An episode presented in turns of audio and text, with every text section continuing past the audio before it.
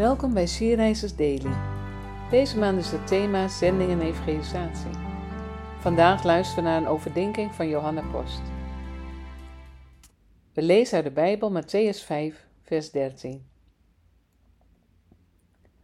Jullie zijn het zout van de aarde, maar als het zout zijn smaak verliest, hoe kan het dan weer zout worden gemaakt? Het dient nergens meer voor, het wordt weggegooid en vertrapt. Ik moest even nadenken over deze tekst. In eerste instantie dacht ik dat het betekende dat je als christen net als zout verschil maakt in je omgeving. Maar er staat nog iets achter. En dat maakt de betekenis van de tekst volledig anders. Ik dacht dat het een opdracht was, maar vraag me af of het geen waarschuwing is. Want als het zout zijn smaak verliest, wordt het weggegooid. En hoe verliest zout zijn smaak? Doordat het in contact komt met een andere stof of vocht, doordat het wordt verontreinigd. Als wij dan het zout der aarde zijn, kunnen we dus onze smaak en werking verliezen, door verontreiniging, zonden en verslavingen.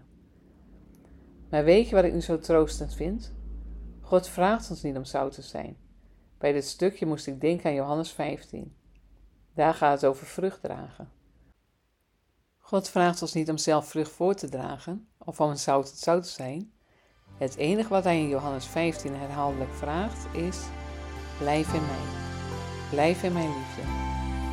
Door in hem te blijven kunnen we dus vrucht dragen en kunnen we dus een zout en zout zijn. Ben jij in hem?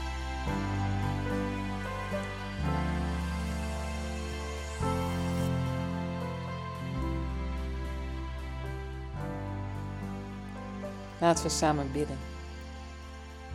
Jezus, wilt u ons dagelijks helpen om in u te blijven?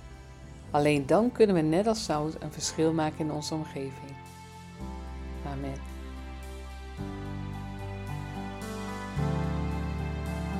Je luisterde naar een podcast van She Rises. Is een platform dat vrouwen wil bemoedigen en inspireren in een relatie met God.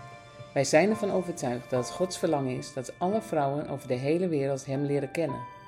Kijk op www.she-reizers.nl voor meer informatie.